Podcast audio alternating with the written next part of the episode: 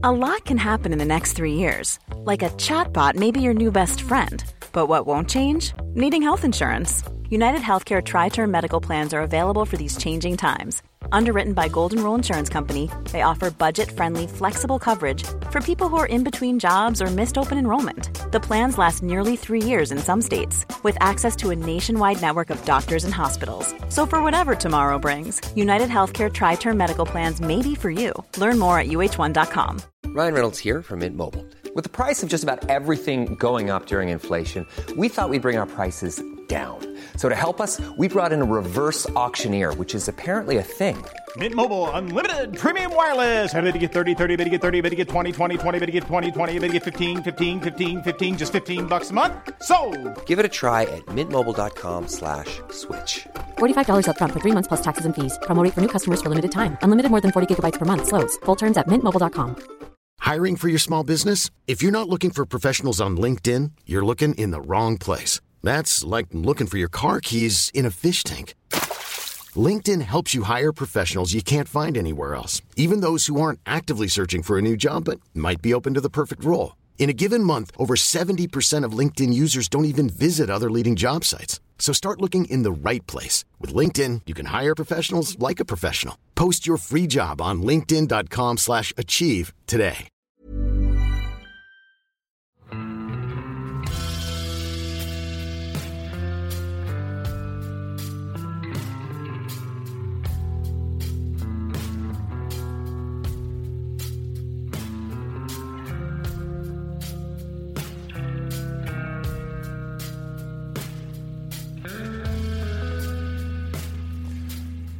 Hei og velkommen til podkasten Uteliv. Mitt navn er Randulf Valle, og vi har allerede kommet til femte episode etter sommerferien.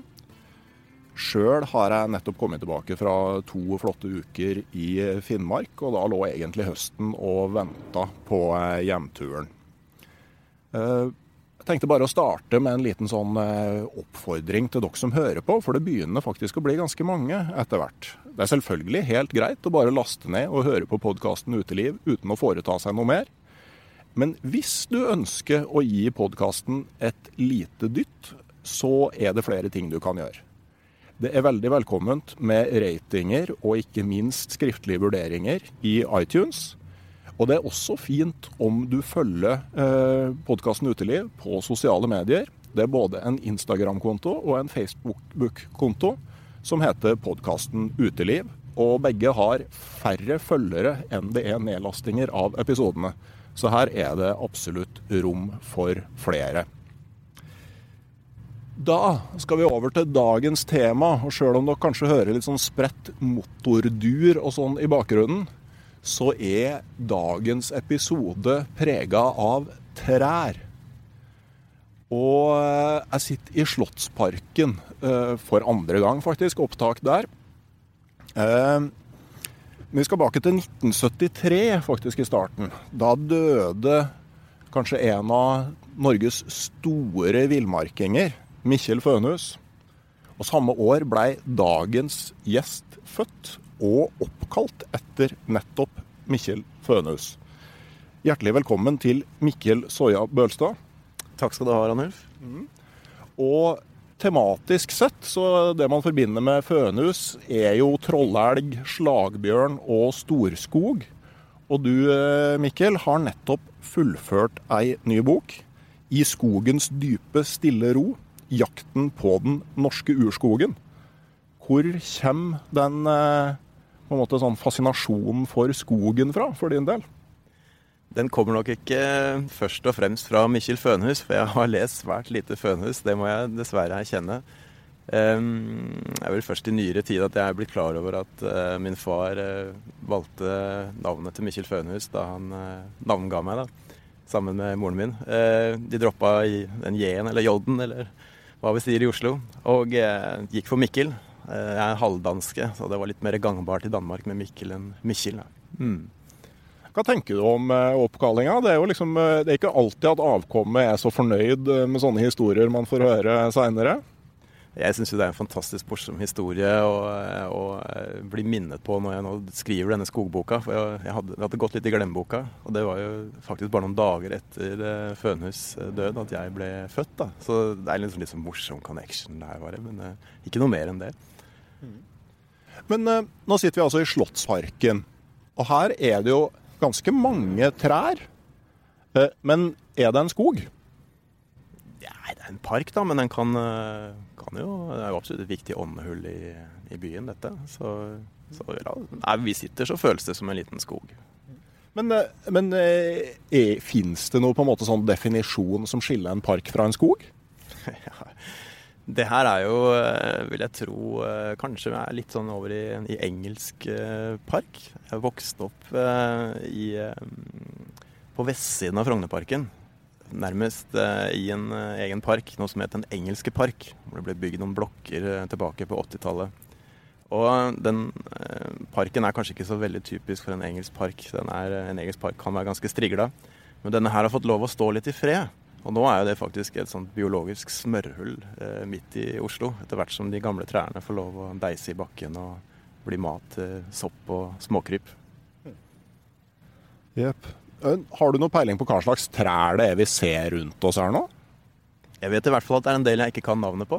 Eh, fordi det er en del eh, arter her som ikke er naturlig hjemmehørende i Norge. Men drar jo kjensel på kastanje her, og gått forbi ask og bøketrær og eiketrær. Eh, så, så, noe av dette kjenner vi.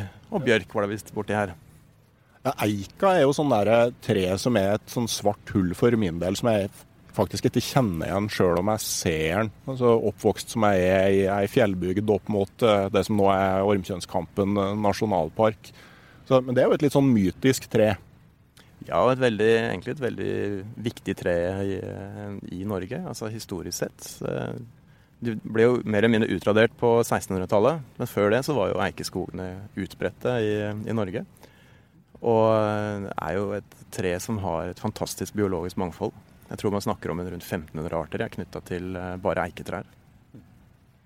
Ja, for at den skogen vi ser rundt omkring i Norge i dag, den så vidt jeg forstår etter å ha lest boka di på litt for få dager, det er veldig mye informasjon, eh, så er jo skogen vi ser i Norge i dag et resultat av liksom 10 000 års naturpåvirkning og menneskelig påvirkning siden siste istid. Ja. Um, altså i, i, Rett etter istiden, etter hvert som uh, steinalderfolket fulgte isranden, så blei skogen ganske lite påvirka. De drev jo stort sett med sanking og, og jakt og, og, den slags, og brydde seg ikke noe særlig med skogene. Så for rundt 5000 år siden så tok man til med svirydding for å lage åker og beite. Og da begynte det, skogen i lavlandet å bli omforma. Men eh, fortsatt var det massevis av urskog i mer grisgrendte områder i Norge. Så det var vel, kan du si, først rundt 1500-tallet, da oppgangssaga kom til Norge, at eh, skogene for alvor ble intensivt utnytta. Men den sviryddinga, altså, så vidt jeg forstår, så er det grunnen til at det er lyngheier på Vestlandet og ikke skog? Ja, eh, så absolutt. Altså, lo lokalt så, så, var det så var, det, var skogen påvirka. Men det er jo ikke sånn at uh, vi liksom ikke hadde noe At vi utnytta skogen veldig hardt. De var ikke veldig mange. Men så sier du utover 1500-tallet og videre så begynner liksom et stadig mer industrielt skogbruk. Og som vi snakka på, så forsvinner eikeskogene ganske fort. Jeg tenker på, Du skriver i boka at uh, ei eik vokser i 500 år og dør i 500 år. Mm. Uh, og jeg tenker på, Hvis du ser et langt perspektiv, så er jo skog en fornybar ressurs. Men hvis du ser i et menneskelig perspektiv, og det gjør vi jo gjerne, så vil jo en eikeskog omtrent være det samme som en mineralforekomst. At når du har fjerna hele greia, så er det liksom fra ditt perspektiv og din levetid, så er det borte. Ja, altså det, det fornybare når man snakker om skog, eh, kommer jo litt an på hvilket perspektiv du har også, da. Hvis du tar utgangspunkt i oss mennesker, så, eh, så kan du si at tre er en eh, fornybar ressurs. For treet vokser jo opp igjen. Men for alle de artene som er avhengig av det treet, hvis du tenker at det ikke bare er det ene treet som forsvinner, men kanskje en hel flate med trær, så er det mulig at hele livsgrunnlaget er eh, borte, og du får et sånt ground zero og alt og komme tilbake igjen. Hvis det da ikke er noen områder i nærheten som huser de samme artene, så kan det være slutt. Men eh, sånn videre fra 1500-1600-tallet så, altså, så, blir jo skogbruket mer og mer intensivt. Uh, og jeg tenker at uh, Så vidt jeg forsto, et sånt land som Nederland for eksempel, fikk jo en knekk som sjøfartsnasjon nettopp fordi de hogde ned alle trærne sine. Og Det er kanskje sånn grunn til at uh, Norge blir en veldig sånn eksportnasjon når det begynner å komme utover 1800-tallet. Ja, da Eikeskogene våre er blitt brukt bl.a. til bygging av krigsskip. Og er det Amsterdam som stort sett er bygd på påler fra, fra eikeskogene. Um, Men det som jeg syns er viktig å få fram, er jo at selv om vi utnyttet skogene hardt, så var det jo i første omgang i områder som var tilgjengelige, og nærheten av bekker og vassdrag, eh, og spesielt der du kunne drive med fløting. da. Så vi har jo hatt uh, urskog og urskogsnær skog uh, i litt mer grisgrendte strøk langt opp på 1900-tallet. Bare sånn digresjon først. Vet du hvorfor man bruker eikeplanker i, på dekket i slagskip? Nei, det vet jeg ikke. Det er, for at, eh, altså det er jo et hardt og sterkt treslag, men samtidig det fragmenterer ikke ved granattreff. De fant et annet uh, treslag på New Zealand som de trodde skulle være en erstatning, men det viste seg å være livsfarlig. For at uh, det, det, fragmenterte sånn at du fikk en sånn ekstra splintstorm fra dekkplankene når du fikk treffere. Det høres ikke behagelig ut. Nei, det, det, det kan ikke ha vært særlig, særlig greit. Men sånn utover 1900-tallet så altså, det, Du skriver nå om at uh, rundt slutten av første verdenskrig så var de norske skogene omtrent på et sånn bunnivå historisk. Mm. Ja, nå er vi inne på noe viktig, fordi uh, nå er vi inne på uh, det man kan kalle vendepunktet for den norske skogen i nyere tid. Og jeg er jo litt opptatt av hva man velger som utgangspunkt når man skal beskrive tilstanden til den norske skogen. Og der, I 1916 så blir det utgitt eh, en eh, artikkel av eh, Agnar Barth, som er legendarisk, som beskriver krisetilstanden i den norske skogen. Og På det tidspunktet så har man altså gått målretta etter de store trærne i, i svært lang tid. Da, og det man kaller dimensjonshogsten. Og det vil si at de trærne som står igjen, er litt tynne og pistrete. Og de kan jo, altså, litt sånn glissent som her hvor vi sitter, faktisk. Ikke snauhogd, men glissent. Og tilveksten hadde man heller ikke sikra tilstrekkelig. Og man skjønte at noe måtte gjøres, og um, gikk da i gang med en uh, massiv treplanting. Uh, så siden da har man planta millioner av trær rundt omkring i Norge årlig. Og hvis man velger å ta utgangspunkt der på starten av 1900-tallet, bruker det som grunnlinja di, da, så har jo volumet av tre i Norge tredobla seg. Og vi har også fått mer gammelskog, og vi har fått mer død ved enn det lavpunktet der. Så er det jo sånn at eh, biologene Jeg er jo en biolog, må jeg jo erkjenne. Eh, de bruker jo ofte et annet utgangspunkt, altså en annen grunnlinje. da. De føler jo, det er liksom Hvis du skal måle høyden til en person, så begynner du ikke på midjen, du begynner helt nede ved gulvet. Og de vil gjerne da ta utgangspunkt i urskogen. Og det er jo ikke fordi de er mot skogbruk eller ikke vil ha skogbruk. Det, skogbruk er, det er vi nødt til å ha. De trenger tømmer og en flott næring. Men øh, alle de artene som lever i skogen er jo tilpasset en urskogstilstand. og Derfor er du nødt til å ta utgangspunkt i det. Det er nullpunktet ditt, eller grunnlinja. Så øh, mye av diskusjonene rundt hvordan øh, skogen har det i Norge, det har med hvilken grunnlinje du velger, hvilket utgangspunkt. Og bruker du urskogen som uh, utgangspunkt, så eh, er det jo sånn at uh, det kanskje ikke står helt så bra til. fordi fortsatt så er mengden av død ved en brøkdel av hva den var før. Da kunne den være sju-åtte ganger høyere. også gjerne en annen kvalitet. trærne var eldre. De vokste langsommere. så du hadde mye gråere dimensjoner på det her. da.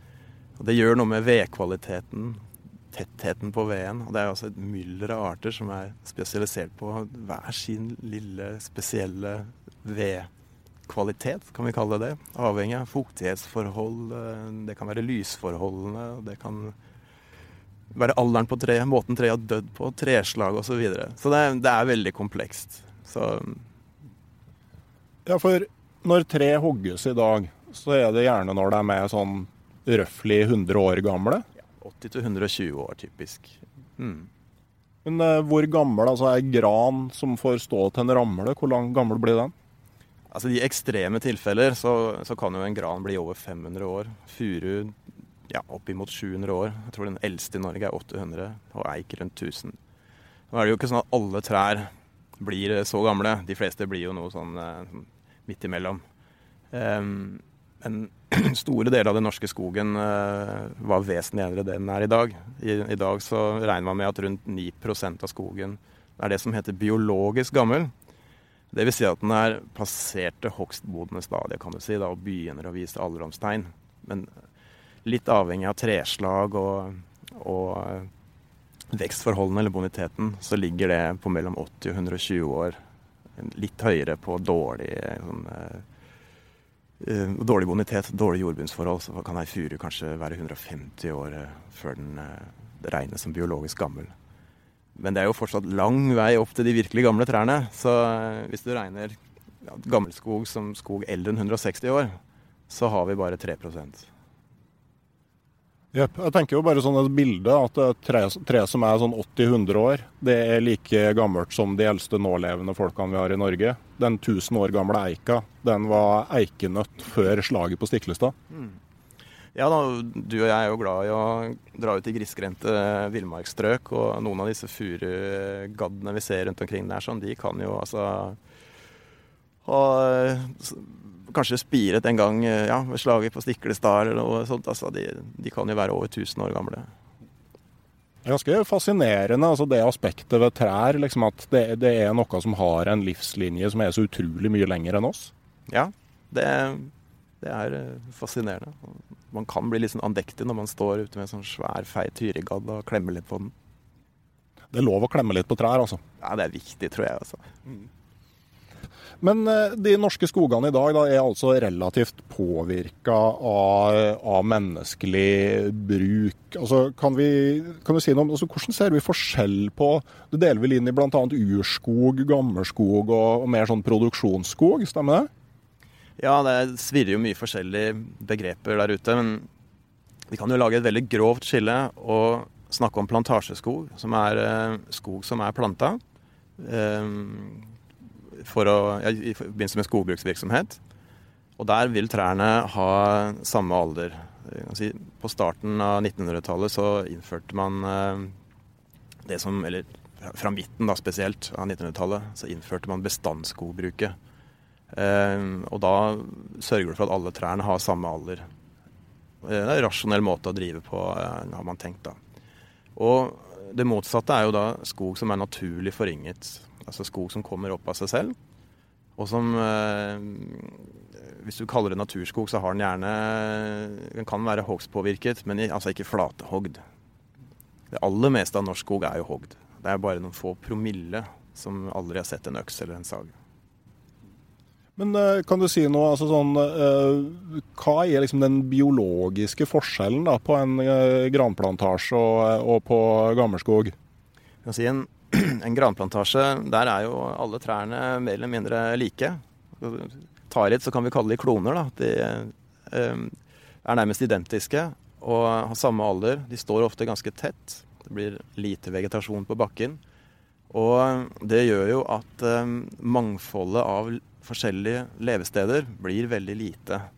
Um, mens i en uh, naturskog hvor trærne får lov å bli gamle og deise over ende og lage naturlige lysninger i skogen Du har trær av forskjellig alder. Du har uh, død ved, som er livsviktig for uh, et mylder av insekter og, og sopp.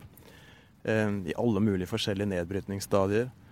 Det er jo gjerne ikke grøfta heller. Nå har begrenset grøftingen da, som man drev mye med før. Så du, du vil altså ha små våtområder innimellom osv. Massevis av levesteder for uh, naturmangfoldet, artene.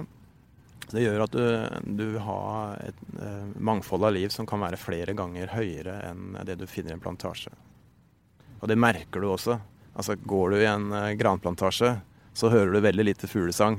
Kanskje et par fuglekonger som driver og svirrer rundt oppi trekronene, men ellers er det dødt, altså. Altså artsmangfoldet. Altså for at, det er jo lett å altså, De fleste har kanskje fått med seg at sånn som skogsfuglen eh, En del av tilbakegangen i bestandene der blir vel tilskrevet altså, eh, den enhetlige plantasjeskogen, granskog, mens skogsfuglen gjerne vil ha andre livsmiljø. Eh, men det er vel på en måte et mye større antall arter som vi ikke ser så lett. Mm. Akkurat det med fugl er veldig vanskelig, altså, fordi eh, vi har lite eh, håndfast informasjon om hvordan det egentlig går med bestandene til eh, mange av fuglene våre. Da driver man jo med litt takseringer i forhold til tiur og sånn, og kan se at det har vært en nedgang. Men man er litt i tvil om hvordan situasjonen er i, i dag, om det er en pågående nedgang, eller om det har stabilisert seg. Det samme gjelder spetteartene våre, ikke sant? hvor eh, ingen tvil om at hvitryggspetten er utrydda fra Østlandet pga. skogbruket. Men den er ikke rødlista nå, for den eh, henger fortsatt ut eh, på Vestlandet og i enkelte indre strøk av, Telemark. da. Eh, men man vet ikke helt om bestanden er på vei ned, eller om den er stabil. Man har bare sånn cirka fingerpeke om hvor stor bestanden er. Så, og da kan du tenke deg, når man vet så lite om våre fjærkledde venner, hva vet man da egentlig om små sopp og insekter og mosearter og edderkopper og alskens småkryp? ikke sant? Så mye av dette her eh, er jo eh, i kraft av at vi vet at levestedene deres er redusert. Ja, for at, altså, Hvor lite vi vet om hva som er i skogen. jeg synes det var Noe av det mest interessante i boka, og du beskrev et forsøk hvor de brukte gass til å på en måte ta livet av insektene i noen furukroner og noen eikekroner. Jeg noterte at i furua så fant de 96 nye norske arter, og, 8, og 9 arter som tidligere var helt ukjent. Og i eika så fant de 82 nye arter i Norge, og 17 tidligere ukjente arter. Så du kan liksom oppdage nærmere 30 ukjente arter i skogen. Det er jo ganske fantastisk at du kan dra ut i norsk natur og finne arter som ikke tidligere er beskrevet. Ja, det er, det er kjempefascinerende. Det akkurat det her har en litt naturlig forklaring, for det er ikke så ofte vi driver og fyker rundt oppi trekronene i 15-20 meters høyde i furutrær og eiketrær. Men, eh, men det, er, eh, det, sier noe om hvor, eh, hvor lite vi vet. Det har et eksempel som eh, er litt artig, med en eh, insekt som heter bredhodekamelhalsflue. Jeg tok det langsomt. Eh, den heter reliktslenda på svensk, altså et relikt. Det er et insekt som har, har lang fartstid her på kloden. Det ser helt sånn forhistorisk ut når man ser det. Sånn, til en mager flue med lang hals. Derfor kalles de kamelhalsfluer. Denne flua har altså ikke vært funnet i Norge før den ble funnet oppe i Nordland her for noen få år siden. Da, da gjorde man det første funnet av bredhode kamelhalsflue. Altså bare funnet noen få steder i Sverige. Man tror det er en sånn urskogsart som eh, har det som mange andre insekter, at den beveger ikke så forferdelig mye rundt på seg. Eh, mesteparten av tiden, fire-fem år og sånn, driver den bare kryper rundt inne i, i, i trærne. Og så har den da et sånt forplantningsstadie hvor den skal fly litt rundt og finne seg en make. Men flyr sjelden langt. Og det var jo fantastisk med denne bredhodet kamelhalsflua. Og så sitter jeg da og leser forskjellige rapporter og, og søker opp eh, mer informasjon om denne flua da, underveis i bokprosjektet. Og så oppdager jeg at den faktisk er funnet uh, en gang til nå i, for ikke så lenge siden. Det var i fjor eller forfjor. Og da ble den altså funnet av alle steder på slakteren i Nordmarka.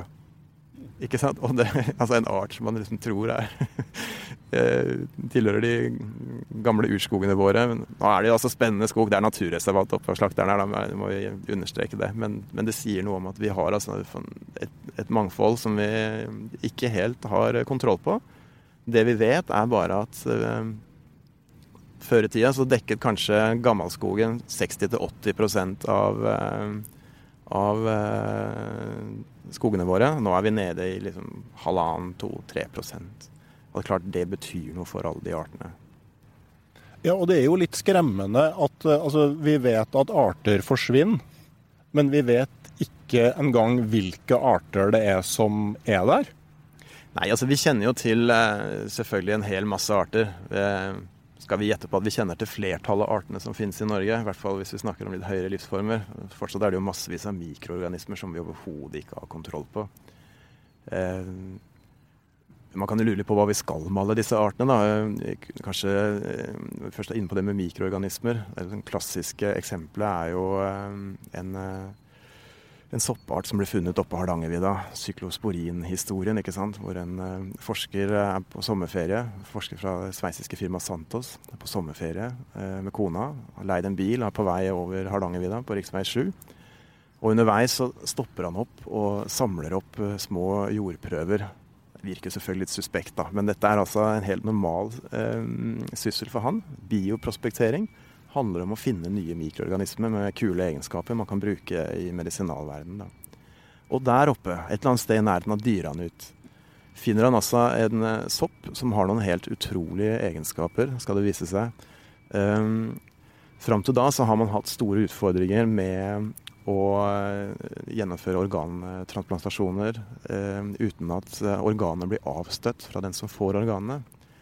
Og det viser seg at syklosporin er et sånt stoff som finnes i denne soppen. Og finnes bare i soppen fra Hardangervidda oppe ved Dyranut. Og det er nå en milliardindustri. Blir brukt til å dempe immunforsvarsresponsen til de som eh, da får eh, organtransplantasjoner. Eller ved autoimmune sykdommer som leddgikt og den slags. Så si, når vi har så lite kontroll på hva som finnes der ute, så er det, man kan bare tenke seg alle de spennende stoffene som finnes i eh, disse mikroorganismene. Altså, jeg tror halvparten av alle kommersielt brukte enzymer f.eks. kommer fra sopp. Funnet ute i naturen. Det er ikke noe vi nødvendigvis har funnet på selv. Altså, så det er sånn, For et menneskesentrert synspunkt så ligger det eh, masser av spennende stoffer der ute og venter på at vi skal oppdage dem og bruke dem til noe fornuftig. For Hvis vi sammenligner altså en, en naturlig skog da, med en sånn plantasjeskog, så er en naturlig skog sånn, ganske sånn balansert med de forskjellige artene som lever der. Altså De en har en relasjon til hverandre, holder hverandre litt i sjakk og sånne ting. Tenk på sånn, Det at barkebilla ble et sånn kjempeproblem det var på 80-tallet. Jeg husker de hvite og svarte barkebillefellene som hang rundt omkring overalt. Det var et resultat av én eh, art som, som fikk utrolig mye bedre livsvilkår i de monokulturene. Mm, ja, der brukte man på en måte barkbillas eh, våpen mot den selv. da, fordi eh, hvis de finner et kult tre å, å, spise på, gjerne et dødt tre til å begynne med, da, så sender de ut noen luft, eh, duftstoffer, noen feromoner, for å lokke til seg artsfrender. Da, så de kan sette inn et målrettet angrep mot det døde treet. Og Blir de mange nok, så kan de etter hvert gå på levende trær. og Da, er det da går alarmen i skogbruket. da. Så disse fellene så sendte man ut. Man greide å liksom isolere det duftstoffet, feromonet, og så sendte man det ut. da, og Så lokka man liksom disse barkbillene til seg. 'Her er det bra, kom og spis.' og så var det dessverre game over for dem. da. Men der er du inne på noe med at kan si, en granplantasje er et økosystem i ubalanse. Eh, du har ikke på en måte de næringsnettene du vil ha, altså hvor artene er forbundet i alle mulige, eh, i alle mulige retninger. Eh, med rovdyr og byttedyr og, og nedbrytere. du har bare et fåtall av artene. Og i naturskogen så vil en granbarkbille ha eh, massevis av eh, naturlige fiender som holder den i, i, sjakk. Den er der, og den kan selvfølgelig gjøre skade lokalt, men det er sjelden at det blir disse helt vanvittige utbruddene. Med mindre det har vært en eller annen helt sånn ekstrem begivenhet, da, sånn ekstremtørke eller et eller annet sånt. Granplantasjene er jo eh, ikke et levested for granbarkbillas fiender. Og da kan den eh, under gode forhold oppformere seg og bli en eh, pest og en plage. Men sånn den uh, naturlige skogen, da, altså for at uh, En granplantasje har jo en veldig sånn tydelig økonomisk verdi. Uh, Riktignok, du planter jo skog kanskje for barnebarna dine i beste fall, men, men det er ganske store verdier når det hogges. Men altså, hva slags verdier ligger det for oss i gammelskogen? Ja, det Der er du inne på, um, på et, uh, et, felt som heter økosystemtjenester. Um, det går jo på at man prøver å verdisette alle de tjenester vi får fra naturen. Um, det kan virke litt søkt, da, men det er jo, penger kan vi alle forholde oss til. Altså ved å prøve å, sette en, en, en, verdi på det, målt i penger, så kan man liksom da kunne veie de forskjellige tjenestene opp mot hverandre. For å lettest kanskje anskueliggjøre det, så kan vi jo ta for oss uh, nærskogen min. Jeg kjenner jo ikke lytterne nærskogen min, men det var en, en ålreit liten skog, og en av grunnene til at vi flytta til Kongsberg. Trær, Furutrær på mellom 160 og 190 år uh, rett ved huset. Og et sted vi har brukt overnattingsturer med barna bare 100-200 meter fra huset vårt, og bålturer og lufteturer med bikkja flere ganger daglig. Så det var et område som betydde mye for oss, men ikke bare oss. Eh, også alle de lokale beboerne som brukte dette området. Området har ganske marginal betydning for skogbruket.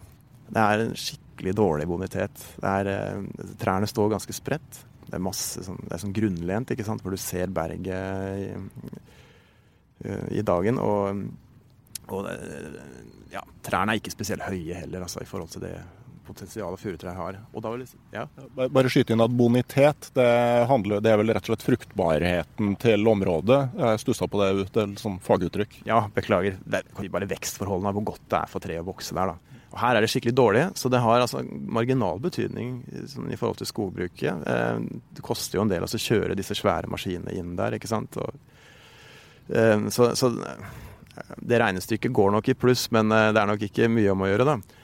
Og da eh, En dag så våkna jeg opp til at denne skogen var hogd, da.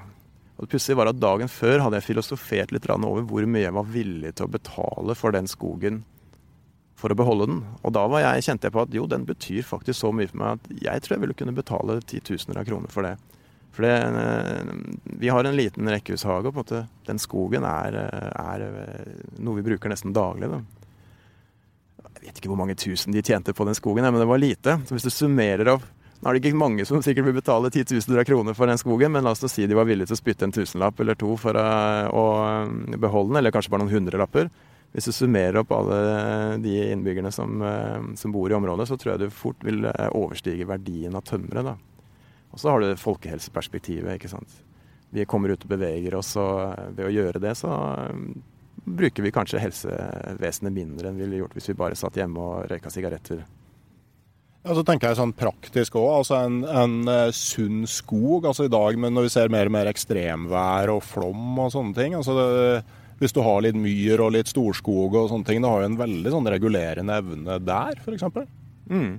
Altså, nå er vi også inne på et, eh, et viktig tema. fordi det er Skogbruk, og det er viktig å få sagt, det er en fantastisk flott næring. Eh, eh, det er jo absolutt en bærekraftig næring, eller i hvert fall har potensial til å være det. Det kommer jo litt an på driftsformen, mener enkelte, da.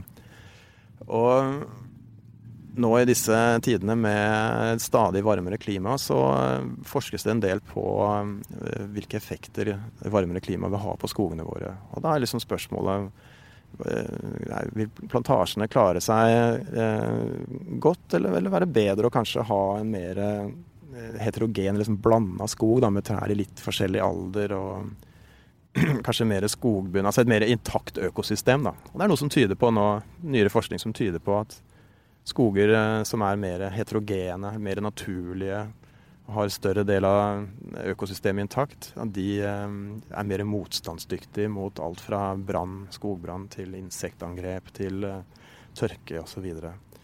så spørsmålet er om man kan klare å kombinere en form for skogbruk eh, med en sånn type skog, og det jobber man bl.a. med i Oslomarka. En litt mer naturnær driftsform, hvor man går inn og så plukkhogger ikke som i gamle dager, hvor man bare tok ut de store trærne i det som het dimensjonshogst, men hvor man liksom, planlegger det litt bedre, da. Så kan man si at det blir selvfølgelig en dyrere drift, da. Eh, da må man igjen veie opp det med fordelene av den type drift på, i forhold til lokalbefolkningens friluftsliv.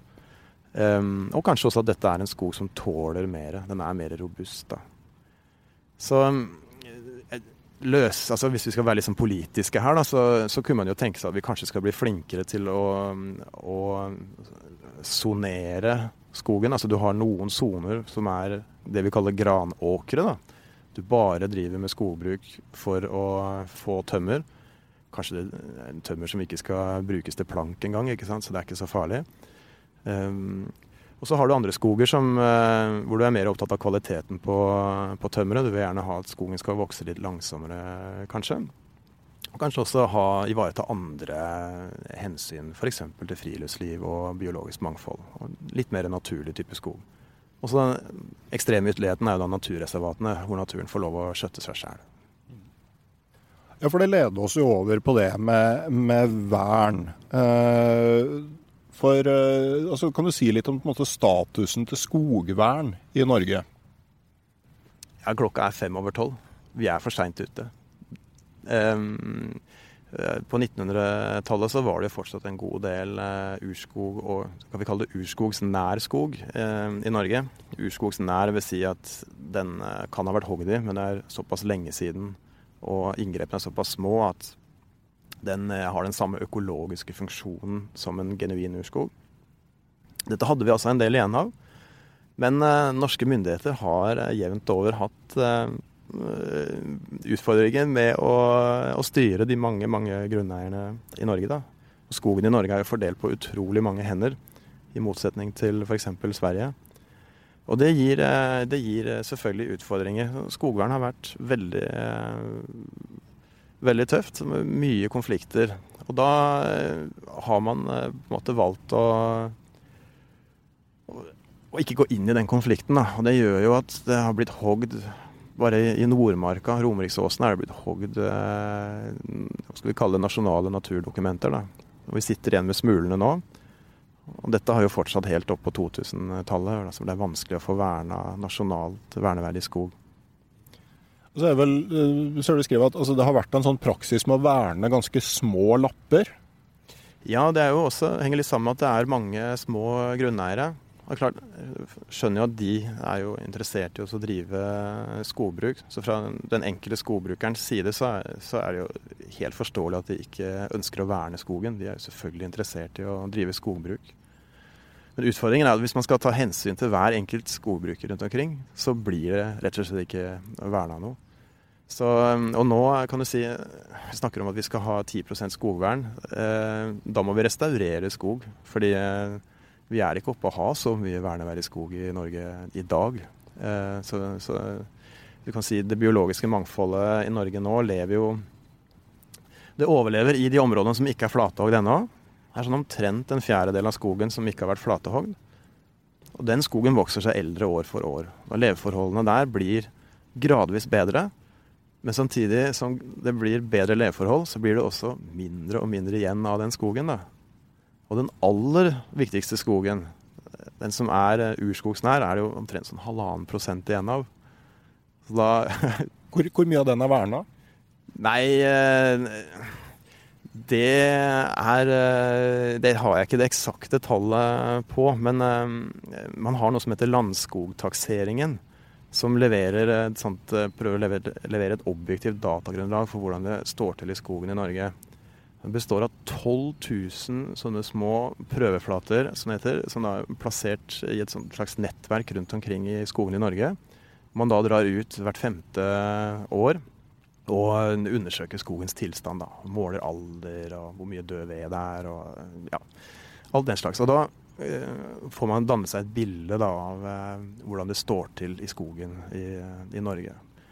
Og der kan man da gå inn og se hvor disse prøveflatene da ligger eh, i eh, Hvilke av disse prøveflatene som ligger inne i naturreservat og nasjonalparker og sånn. Men, eh, men det, som, det som, er, man kan si, da, er at vi vet at det fortsatt er urskogsområder i Norge. F.eks. i Femundtraktene. Sorkvola-området hvor jeg har vært. Rundt 44 kvadratkilometer. Det ligger på statsallmenning. Det blir ikke vernet. For de ønsker ikke å verne der oppe. Det er nasjonalt verneverdig skog. Eh, kanskje grensene til internasjonalt verneverdig. Jeg har også besøkt områder i Notodden med internasjonalt verneverdig skog. Dvs. Si at det er arter der som er så sjeldne i europeisk sammenheng at vi eh, har et internasjonalt ansvar for å ta vare på dem. Vanskelig å få det vernet. Det blir hogd i småstumper. Ja, og altså, liksom det med de små verneområdene Du skriver litt at det blir omtrent som, som øyer i et stort hav. Og at, uh, og at de artene som, uh, som blir isolert i et sånt lite område, blir stående i en sånn slags utrydningsgjeld. Altså, De er der nå, men de kommer, til å, på, sikt til i større og større grad å bli borte, ikke sant? Eh, for utfordringen med disse små reservatene og, og nøkkelbiotopene Nøkkelbiotopene i Norge er jo også små områder som eh, skogbruksnæringen har satt til side fordi de har biologisk viktige områder. De er i gjennomsnitt på 0,83 hektar, eller 83 ganger 100 meter. Og Utfordringen med sånne bitte små områder er at eh, de er veldig utsatt for det som heter kanteffekter. Um, Tenk seg at man har et sånt område på, på ja, Det blir omtrent som en fotballbane. da og hvis man da snauhogger skogen rundt denne lille skogflekken, så vil lysforholdene og vindforholdene påvirke denne lille skogflekken ganske langt inn. 20-25 meter eh, har man eh, sett eh, at huldrestry kan bli påvirka. Altså så langt inn som 25 meter i denne lille skogteigen vil en huldrestrylav bli påvirka av uttørking. Og Det gjør at det bare blir bitte, altså et bitte lite område inne i denne skogflekken som faktisk har det eh, livsmiljøet, de fuktighetsforholdene, de lysforholdene som en eh, gammelskogsart eh, trenger. Og så vil vel da, da vil vel også Det blir jo veldig langt til neste potensielle leveområde. Sånn at du får ikke noe, nødvendigvis noe spredning heller av den arten? Nei, altså det er klart det, Du er jo få individer i denne lille skogflekken og er, risikerer jo selvfølgelig å altså, Får du en liten skogbrann, eller at skogteigen blir hogd, eller uh, at det bare ikke dannes mer av det livsmiljøet du er avhengig av, kanskje en bestemt type død ved, så er du i fare for å dø ut. Um, du har jo også utfordringer med å spre deg til andre slike små, skal vi kalle det, skogøyer i plantasjehavet. Um, og det, det, For du skal jo også slåss med alle de andre artene da, som er mer vanlige. Det er jo, det er jo noen arter som er, kan trives i uh, en uh, plantasjeskog, og de vil jo opptre De som kan det, har jo selvfølgelig en enorm fordel i forhold til artene som trenger gammelskog, som det er lite av. Så de kan jo da i prinsippet komme først til matfatet, da. Så det blir en ekstra utfordring for de artene som nå har blitt sjeldne fordi vi har så lite gammelskog igjen. Eh, men jeg ser at eh, ut fra det du skriver, at eh, faktisk så har store utenlandske industrikonsern til dels vært pådriver for, for bedre på måte, verneforhold i Norge, altså store utenlandske papirkjøpere? Ja, vi har jo fått på pukkelen av OECD for det manglende skogvernet i Norge. For det er, det er ikke bare en nasjonal skandale, det er en internasjonal skandale. Det må være lov å bruke det uttrykket. Det har blitt lagt merke til internasjonalt at vi er så dårlige til å verne skog. Og eh, Aksel Springer eh, forlag i eh, Tyskland har jo faktisk en, vært en pådriver etter tipsing fra norske miljøvernere. Men de har vært en pådriver for å bl.a. redde regnskogsområder i Trøndelagsområdet.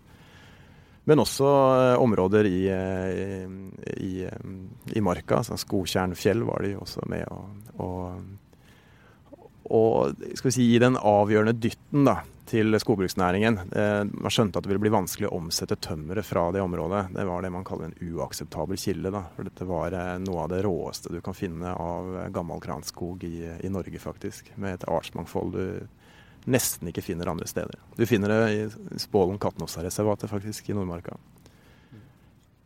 Forstår jeg riktig at altså, eh, for en skogeier så er det lite attraktivt å få skogen sin undersøkt av biologer? For hvis den ikke er undersøkt, og man derfor ikke har funnet noe eh, verneverdig og spennende, så kan du få en sånn bransjesertifisering på at det er litt sånn eh, etisk forsvarlig. Men i det øyeblikket noen har vært der og titta og funnet ting, så blir ting brått mer vanskelig. Ja, og det her er jo en ulykkelig situasjon for, eh, for skogeiere. For altså, det blir en sånn umulig spagat, ikke sant. og dette er jo noe som kanskje spesielt rammer små skogeiere. Jeg eh, må understreke at De fleste er ikke avhengig av inntekt fra skogen. Det gjennomsnittlige skogeier eh, får vel rundt 6 av inntekten sin fra skogen. og Det dekker jo over eh, store skogeiere som tjener vesentlig mer. Altså, de drar jo det snittet opp. Men allikevel så Det kan jo være at du hadde regnet med å bruke disse pengene på å vedlikeholde noe hus eller noen bygninger på gårdstunet ditt, og da, da kan det være trist å ikke få få hogg skogen din fordi den har altså funnet noen rødlistearter i, i, skogen. Men nå er vi over på noe som er veldig rart. Da, fordi altså, Dette er jo press fra utlandet som gjør at eh, Norges Skogeierforbund og eh, skognæringen har gått inn på en avtale som heter FSC Control Wood. Og Det går på at man ikke skal selge tømmer fra det som kalles uakseptable kilder. Og Det kan altså være skog som har eh, enten svært truede arter, eller eh, flere forekomster av eh, flere rødlistearter. Um, og så er det jo sånn at i lovverket, i skogbruksloven, så heter det seg at en grunneier skal ha oversikt over naturverdiene på grunnen sin. Og da blir det, blir det, litt sånn rart når man da ikke går ut og kartlegger arter og faktisk kritiserer skog... Eller naturvernere for å registrere arter, da. For det er jo egentlig slik at de da gjør den jobben man burde forvente at myndigheter eller næringen selv gjorde, da.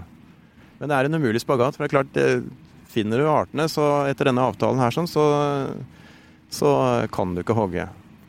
Nå er det viktig å understreke at det er bare en liten del av skogen det her er aktuelt i. For du finner bare disse artene i gammelskog med, med høy tetthet av viktig livsmiljø. Men eh, jeg tenker altså, jeg er jo eh, da som nevnt vokst opp i Gausdal, som er ei bygd hvor eh, mjølkeku og skogbruk er veldig viktig. Og for en del av gårdene der Spesielt i dag så er skogen den viktigste inntektskilda. Og jeg tenker at noe av det eh, jeg tror mange reagerer på, er liksom et slags tap av planleggingsmulighet og sjølråderett. Som den gamle skiløpergiganten vår i bygda, som hadde satt av liksom grana som var lettest å ta ut og nærmest gården, som en slags sånn tillegg til minstepensjonen. Og sånn idet han runder 60, så blir det her verna som, eh, som naturreservat. Uten at du da på en måte sitter igjen med noen verdier tilsvarende det du kunne høsta der. Nei, altså, og det Jeg tror du er inne på noe veldig sentralt der òg. fordi økonomien er nå én del av det. Eh, den økonomiske kompensasjonen er, eh, er ganske bra i dag. og den er skattefri, så noen vil nok komme bedre ut av å, å, verne skogen økonomisk sett.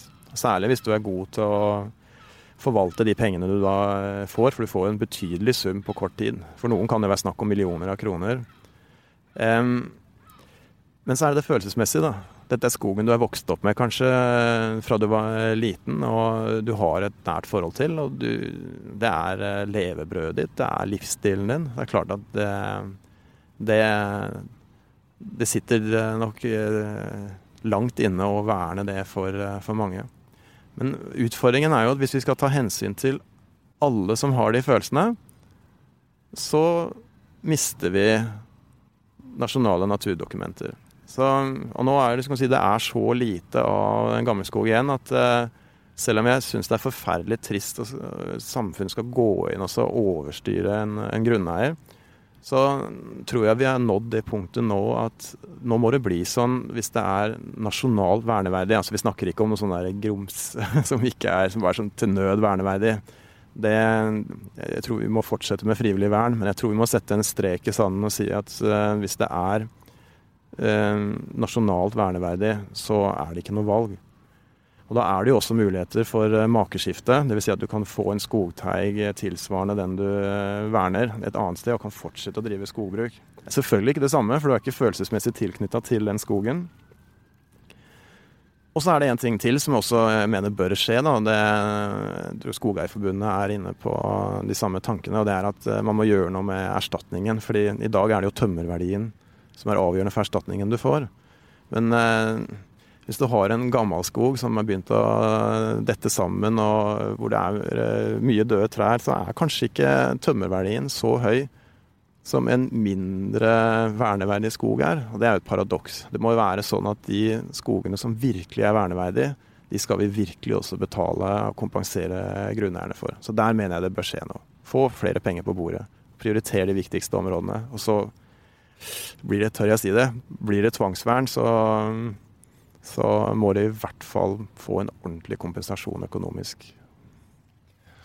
Ja, sånn, når jeg leser boka di med måte, Skogvern har jo vært ganske konfliktfylt. Bl.a. Trillemarka er jo sånn eksempel hvor konfliktnivået har vært veldig høyt. Og så tenker Jeg at jeg kjenner jo litt igjen både fra ulvesak, fra villaks versus oppdrettslaks, at man har måte, to sider som virker å på et eller annet vis nesten ikke snakker samme språk.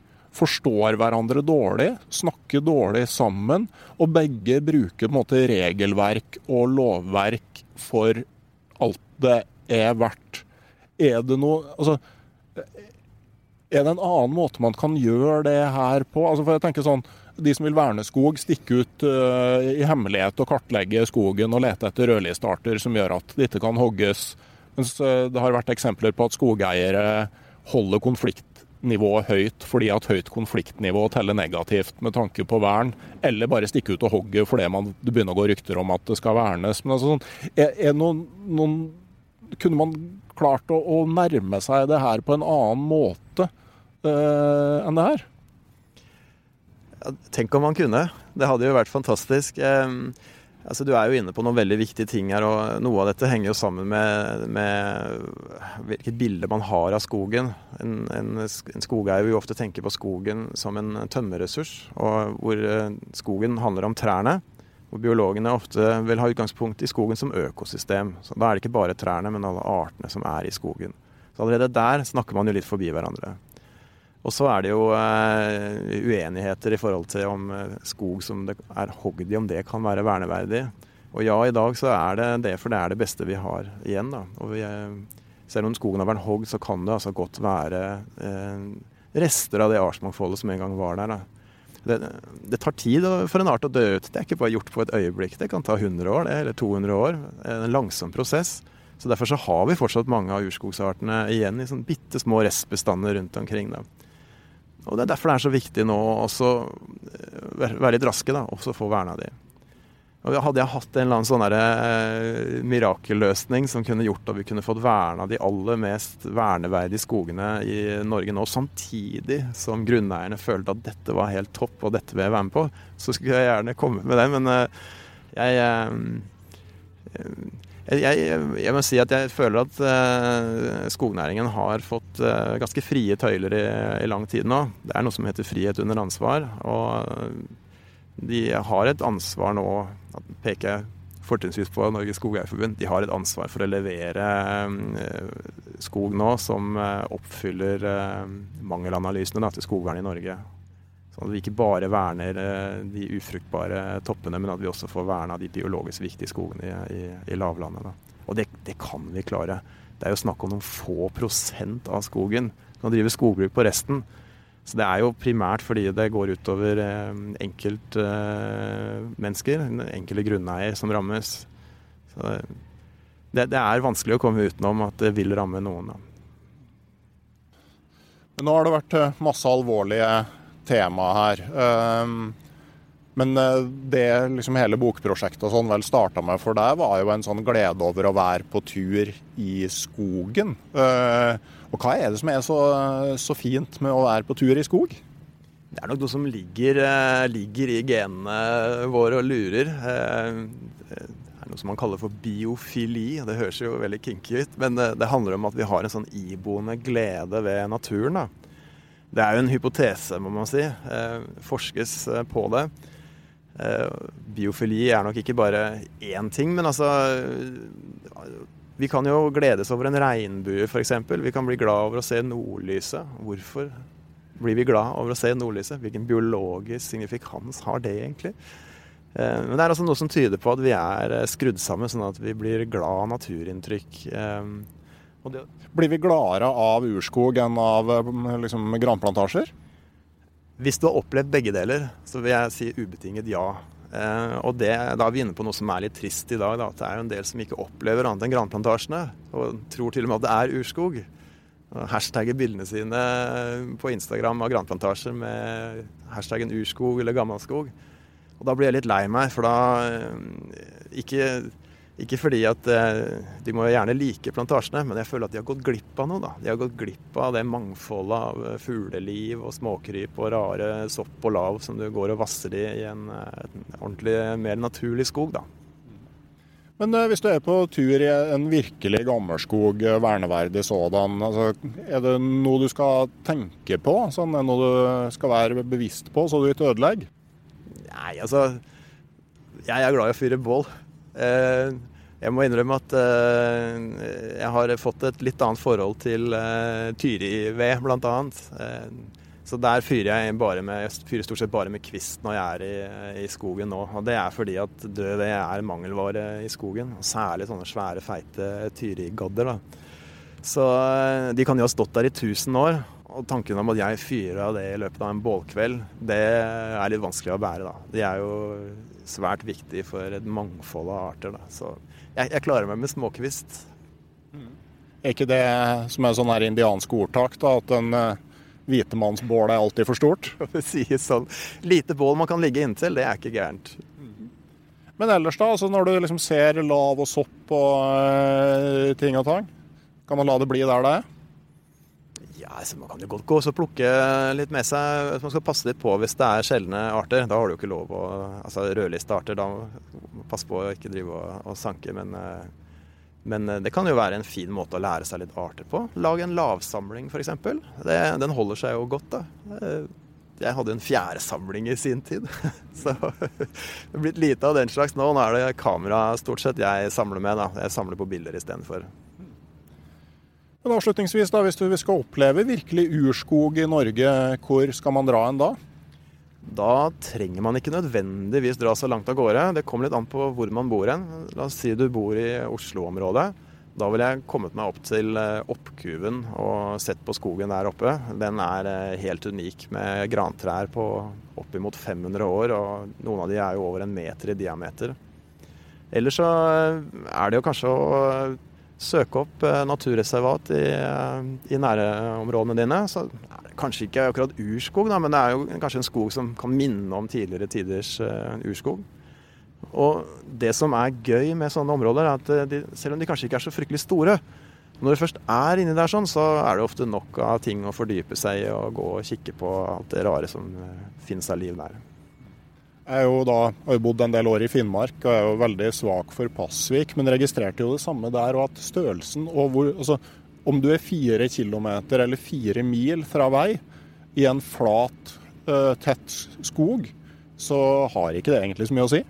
Nei, ikke når det først er der. Men det er klart det er en god følelse å, å vite at det er langt til nærmeste hus eller vei. da. Det, det er det. men men hvis man klarer på en måte å la være med å tenke for mye på det som er rundt, og bare er akkurat i bobla di i skogen, så kan skog levere villmarksopplevelser ganske nær tettsteder og byer.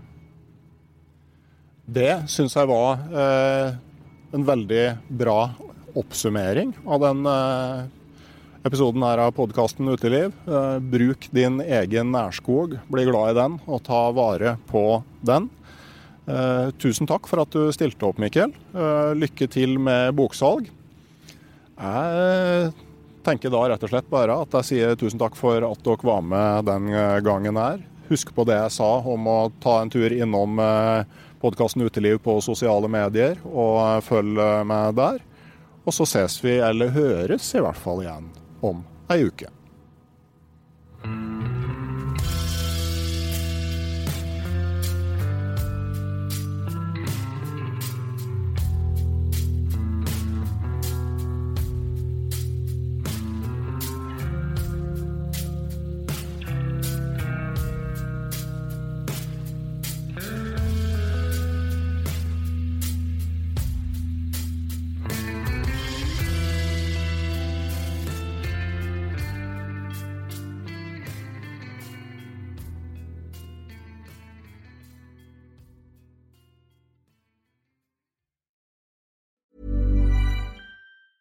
Ever catch yourself eating the same flavorless dinner three days in a row?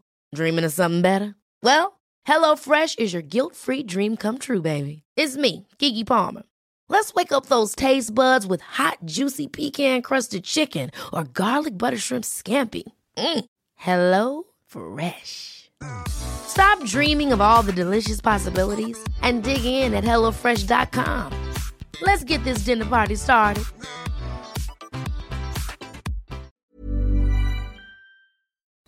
Hei, jeg heter Nore Helligsen og er daglig leder i Barents Outdoor. Det beste vi kan gjøre for planeten, er å redusere forbruket vårt og få mer ut av det utstyret vi allerede har.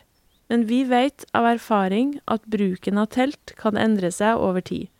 Det teltet du kjøpte for to år siden, passer kanskje ikke det behovet du har i dag. Derfor har vi i Barents etablert en egen panteordning der vi tar imot brukte telt av god kvalitet i innbytte når du kjøper et nytt av oss. Prosessen er enkel.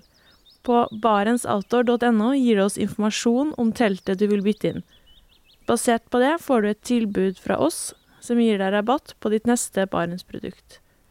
Mer info og betingelser finner du på barentsoutdoor.no.